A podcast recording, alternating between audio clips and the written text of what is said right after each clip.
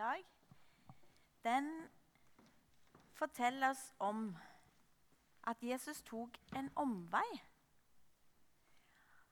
Han var et sted, og så gikk han nordover, og så gikk han litt øst og sørover.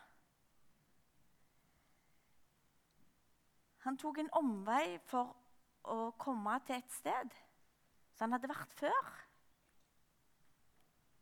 Sist han var der, så ble det ikke den store begeistringen. Da tok han og helbreda en som hadde flere onde ånder. Og disse åndene de ble drevet inn i en svineflokk. Og svineflokken stupte utfor. Og folket ble opprørt. Hva er dette for en mann? Og så jagde de ham vekk. De ba han gå vekk fra oss. Forlat vårt område.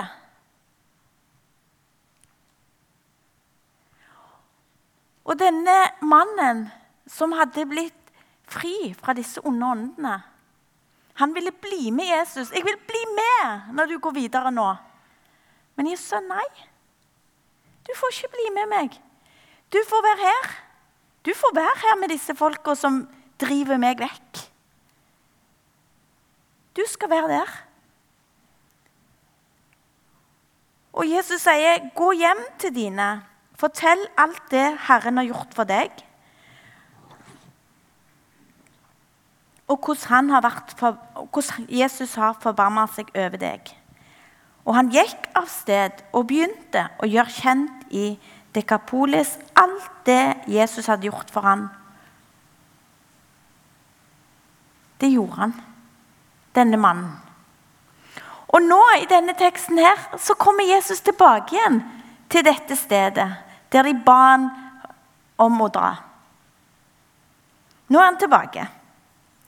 Nå har Jesus tatt en omvei for å komme tilbake igjen. Og vi kan se at mannen har fått rydda vei for Jesus. Mengden er skikkelig forandra. Denne, eh, denne, teksten avslutter faktisk med at de lovpriser Jesus. Alt han har gjort, er godt, sier de. Det har gått ei tid. Og nå er det det som er deres sum summarum av Jesus. Da skal vi lese teksten, og dere kan reise dere. I Markus 7, 31-37. Siden forlot han Tyrus område igjen. Han tok veien om Sidon og dro mot Galileasjøen gjennom Dekapolislandet. De førte til ham en mann som var døv og hadde vondt for å tale. Og de ba ham legge hendene på ham. Jesus tok han med seg bort fra mengden. Han stakk fingrene i ørene hans, tok spytt og berørte tungen hans. Så løftet han blikket mot himmelen og sukket og sa til ham, Efata, det betyr 'lukk deg opp'. Slags, straks ble ørene hans åpnet. Båndene som bandt tungen hans, ble løst, og han snakket rent. Jesus forbød dem å fortelle dette til noen, men jo mer han forbød, dess mer gjorde de det. Folk var overveldet og forundret og sa, 'Alt han har gjort, er godt.'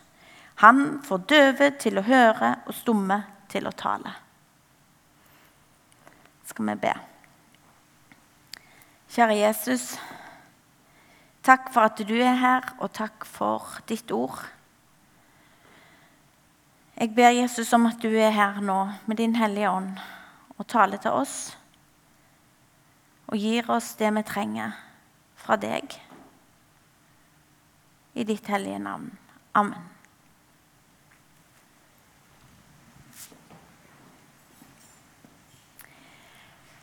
Det som vi leste nå, det var at eh, folkemengden, folk i denne landsbyen, de førte en mann til Jesus. Nå sa de ikke 'Jesus, gå vekk herfra'.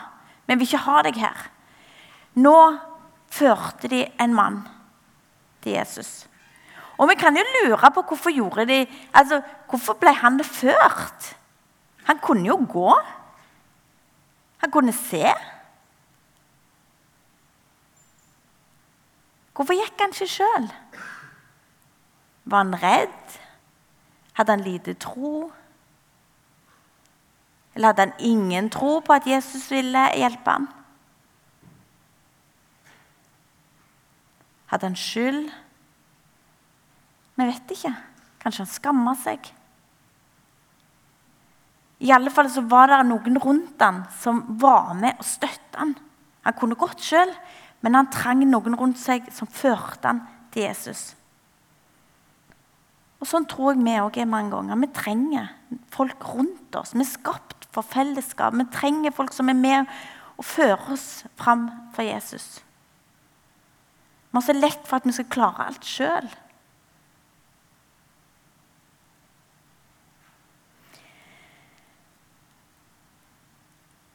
Og Så prøvde denne folk, de som førte han, å instruere Jesus. Kanskje de hadde snakket med denne mannen. Jo, vi gjør det. Vi tar oss hjelp. Vi blir med deg, og så går vi til Jesus og så sier vi til Jesus. Vi har hørt før at han holder, tar ofte hendene på. Det, det, det, klarer du. Så tar han hendene på deg, og så blir du sikkert helbredet. Vi må prøve dette. De hadde liksom, de hadde en plan, og de ba Jesus kan du gjøre det. Kan du legge hendene på han? De hadde liksom tenkt akkurat hvordan han skulle gjøre det. Så kommer Jesus, og så tar han imot denne, og så tar han han vekk. Jesus vil være med han på sin måte. Og han vil gjøre det på sin måte. Og det er litt rar, den måten han gjør det på. Jeg hadde aldri tenkt sånn veldig over det før eh, Hans Johan Sagrusten var hos oss på bibelskolen nettopp. Så sier han liksom ja, men tenk dere, folkens. Hvis Jesus har begge fingrene i ørene, og så skal han ta spott på tunga hans Hvordan kan han gjøre det?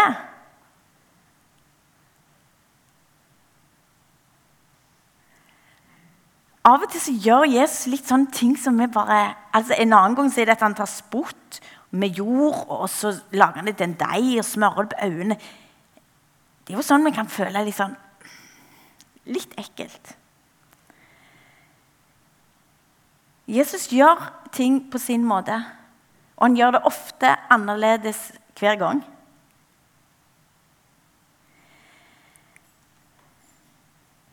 Uansett, mannen blir helbredet. Um, og det som da skjer Altså det som skjer, det må jeg si først det. Når han blir helbredet, så ser Jesus opp, viser dette har noe med Gud å gjøre. Dette har ikke noe med meg å gjøre. Det er oss, treenigheten. Og så står det at han sukker. Han sukker. Disse sukka som vi har, de kan bety mye. De kan gjøre mye. Ikke se lite på de der sukkene. Jesus, han sukka. Det var liksom en sånn fra hjertet. Han lei med han. Jeg tenker han gjorde det i barmhjertighet. Jeg er så glad i det der ordet barmhjertighet. Som er bygd opp av tre ord. Bi, arm og hjerte. Ved siden av. Med de som trenger det nødlidende. Ved siden av de med hjertet. Det er sånn vi skal være med hverandre, og sånn var Jesus. Og sånn er Gud. Gud er barmhjertig. Og her viser Jesus det med at han lider sammen med denne mannen. Og det kommer et sukk. Og så ber han om at det skal lukkes opp, at han skal bli fri. Og så blir han helbredet. Kort og greit. Det er ikke en lang, lang, lang bønn.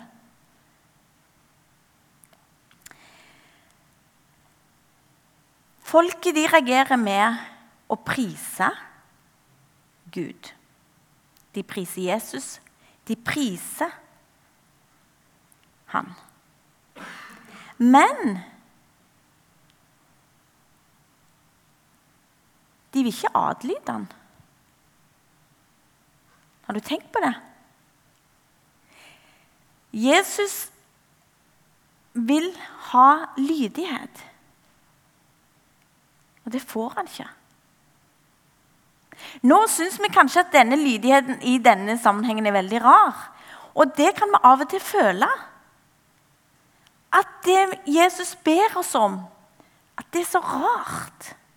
Jeg forstår ikke hvorfor. Og da er det akkurat så det ikke blir så viktig å være lydig hvis ikke vi forstår det.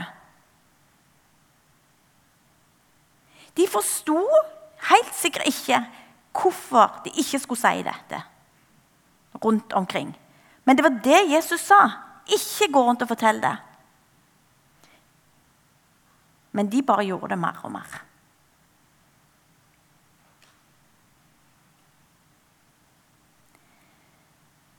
Det er flere ganger at Jesus sier det. Og det der er forskjellige teorier på hvorfor det er, om det er om det er rett tid og sted. og sånn. Eh, og det er sikkert eh, gode grunner som vi kan prøve å forstå mer av hvorfor Gud gjør det. Men mange ganger i våre liv så er det ting vi ikke forstår. Og det må ikke være vår forstand som bestemmer om vi skal adlyde. Og det er litt sånn imot det som vi snakker om i dagens samfunn. For det, da kan det fort bli at vi blir liksom bare eh, noen dere, at vi tar og kobler ut fornuften. For det er ikke det jeg snakker om. Men vi har bestemt at vi vil ha en annen herre i vårt liv. Og det er Jesus. Og da forstår vi ikke alltid det han gjør. Eller hva vi skal gjøre. Men vi skal adlyde. Og det er med vår fornuft og vårt hjerte har bestemt at vi vil ha en annen herre. Det er ikke at har kobla det ut.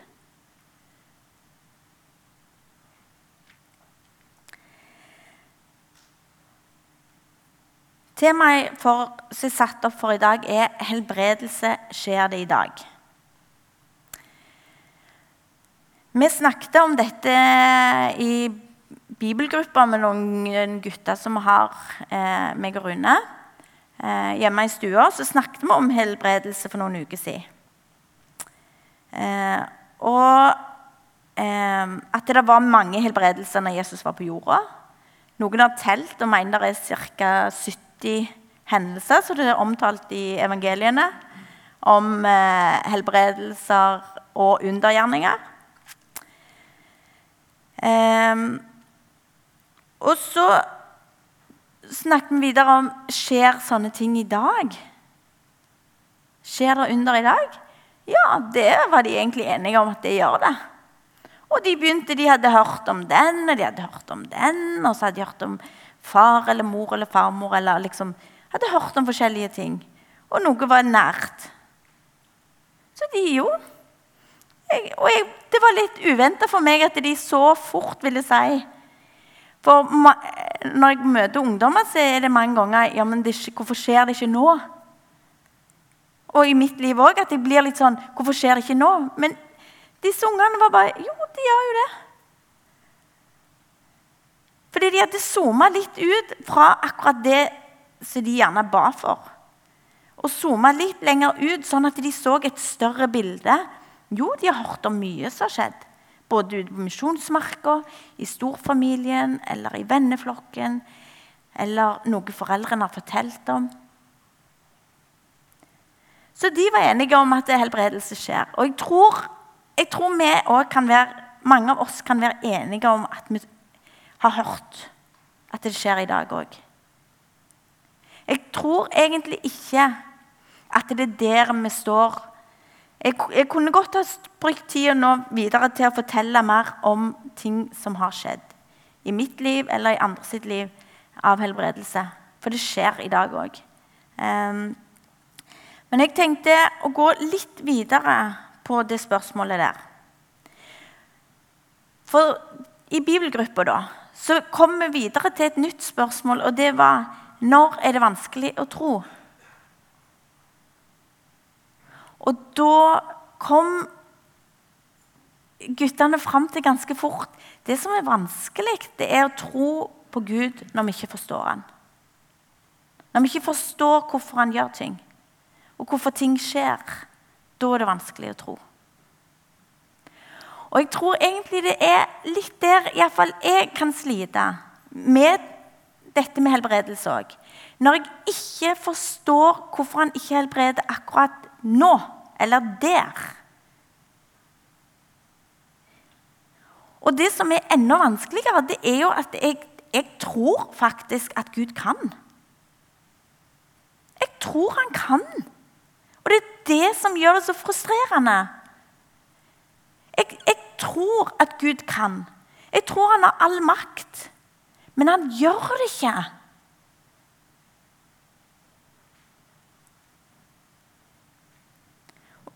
Og derfor så, også har vi andre som vi opplever og syns er vanskelig i vårt kirkesamfunn. Hører andre kirkesamfunn som kanskje lager det til en sånn stor ting, og så blir vi redde for dette med helbredelse. Og så blir det heller at vi holder altfor mye avstand for det. Nesten ikke tør å snakke om det. Og nesten ikke tør å be om det. Iallfall ikke sånn oppe her, eller liksom sånn i store mengder. Um, hvor ofte ber vi om at noen skal ha den nådegaven? Bibelen sier det er en nådegave. Hvor ofte ber vi om at misjonssalen må få minst én som har den nådegaven? i forsamlingen her. Tenk så flott det hadde vært. Ikke at alle hadde blitt helbreda, da. Det har ikke Bibelen sagt. Og det sier ikke Gud. Men det å ha den nådegaven i en menighet, det er til velsignelse. Ikke bare den, men nå var det den vi skulle snakke om nå.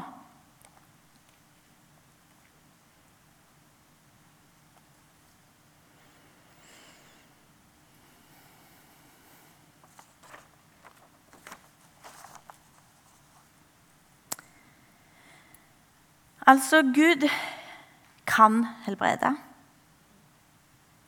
Eh, og da er spørsmålet ber vi om det.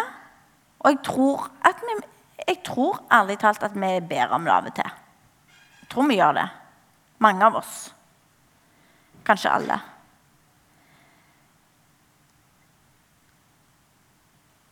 Og vi vet han kan. Hvor tålmodige er vi i den bønnen? Jeg syns vi har en sånn vane, iallfall litt i det miljøet jeg går, at liksom, noen ting er det liksom riktig å være tålmodig i bønn. Andre ting må vi på en måte kaste i den der eh, kassen med det der svaret som Paulus fikk. Han ba tre ganger, og han fikk 'min nåde nok', så da skal vi ikke be mer. Ferdig med det. Så kaster vi det oppi der. Vi har bedt om helbredelse kanskje tre ganger. Da kaster vi det oppi der så må vi lære å leve oss med dette.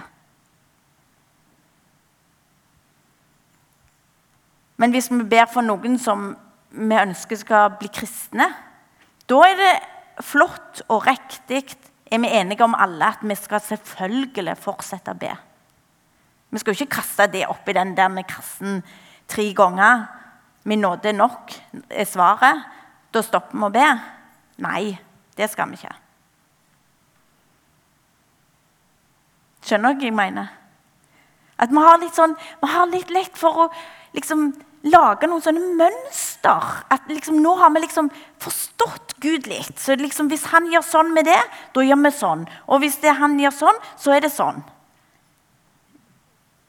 Vi må aldri Med en gang vi merker at vi begynner å ramme Gud inn i mønster, hvordan han handler, så må vi få på noen varsellamper.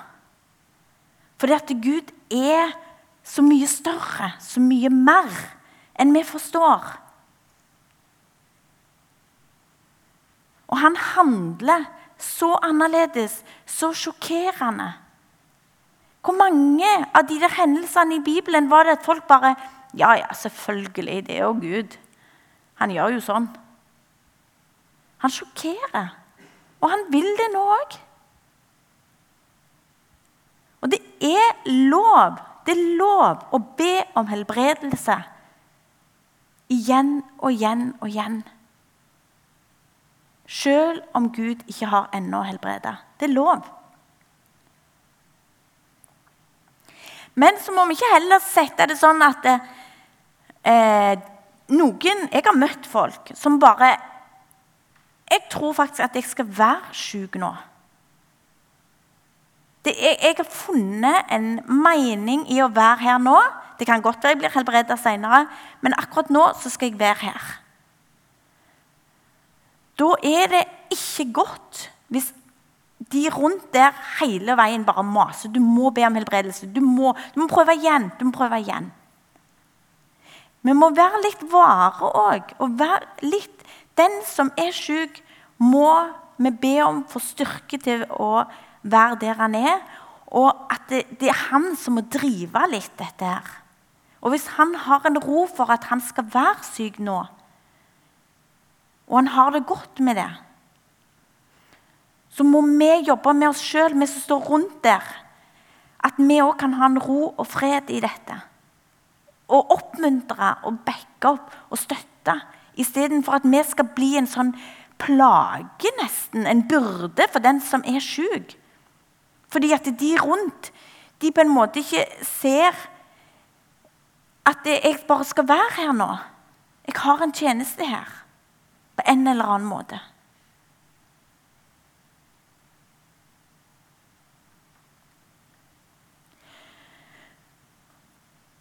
Det kan være veldig vanskelig å akseptere sykdom.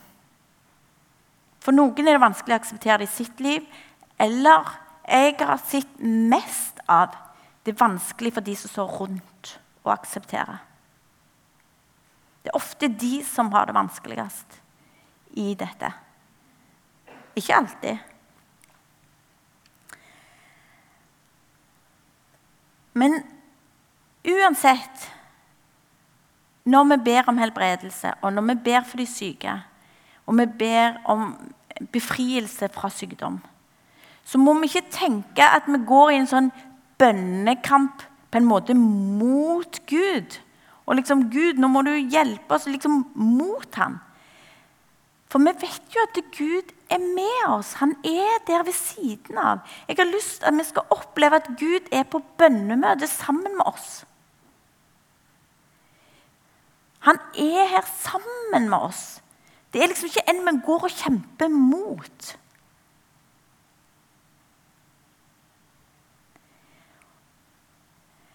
Men vi må kjempe med det å kunne legge det i Guds hender.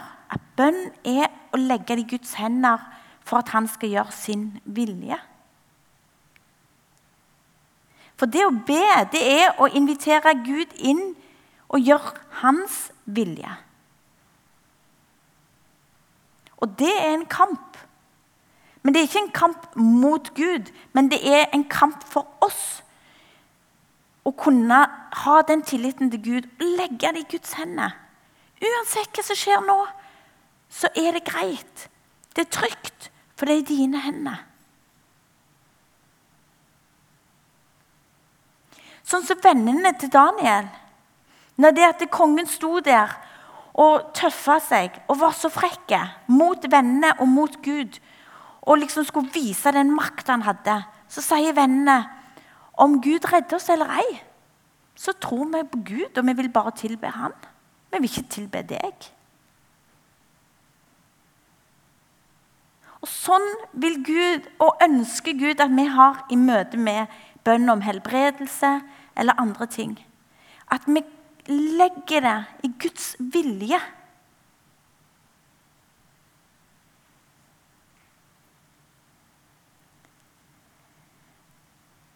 Men vi skal frimodig be om Guds vilje. Og vi kan be om helbredelse med frimodighet og tålmodighet.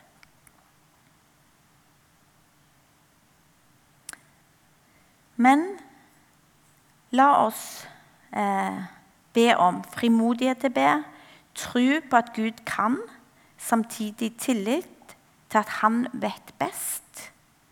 Både på hvilken måte og når og hvordan og hvor. Amen.